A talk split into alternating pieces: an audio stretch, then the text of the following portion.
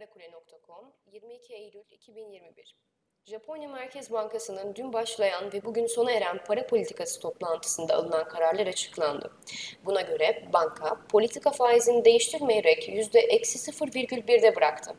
Söz konusu kararı 1'e karşı 8 oyla alan Japonya Merkez Bankası, sınırsız miktarda devlet tahvili ve yıllık 12 trilyon yen borsa yatırım fonlarıyla yıllık 180 milyar yen Japon gayrimenkul yatırım fonları alımına devam edeceğini duyurdu.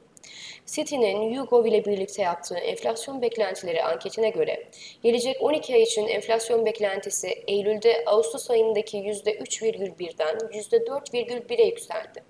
Bu, anketin yapıldığı son 15 yılda tek bir ayda görülen en büyük artış oldu.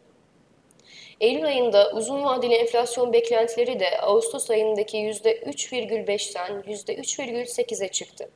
Citi, anket sonuçları için yaptığı değerlendirmede, açıklanan veriler, özellikle uzun vadeli beklentilerde yükseliş, enflasyon bekleyişlerinin yukarı yönlü olarak kontrolden çıkabileceği yönünde büyüyen riskleri işaret etti.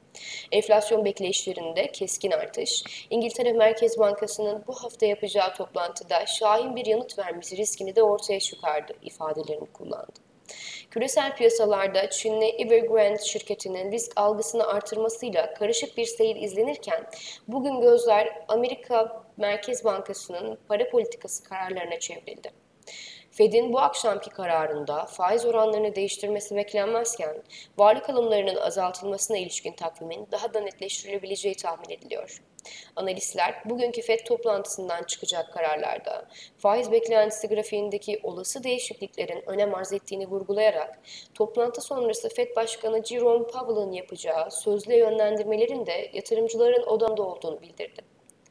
Küresel piyasalarda Çinli Evergrande şirketinin risk algısını artırmasıyla karışık bir seyir izlenirken, bugün gözler Amerika Birleşik Devletleri Merkez Bankası'nın para politikası kararlarına çevrildi. Fed'in bu akşamki kararında faiz oranlarını değiştirmesi beklenmezken, varlık alımlarının azaltılmasına ilişkin takvimin daha da netleştirilebileceği tahmin ediliyor.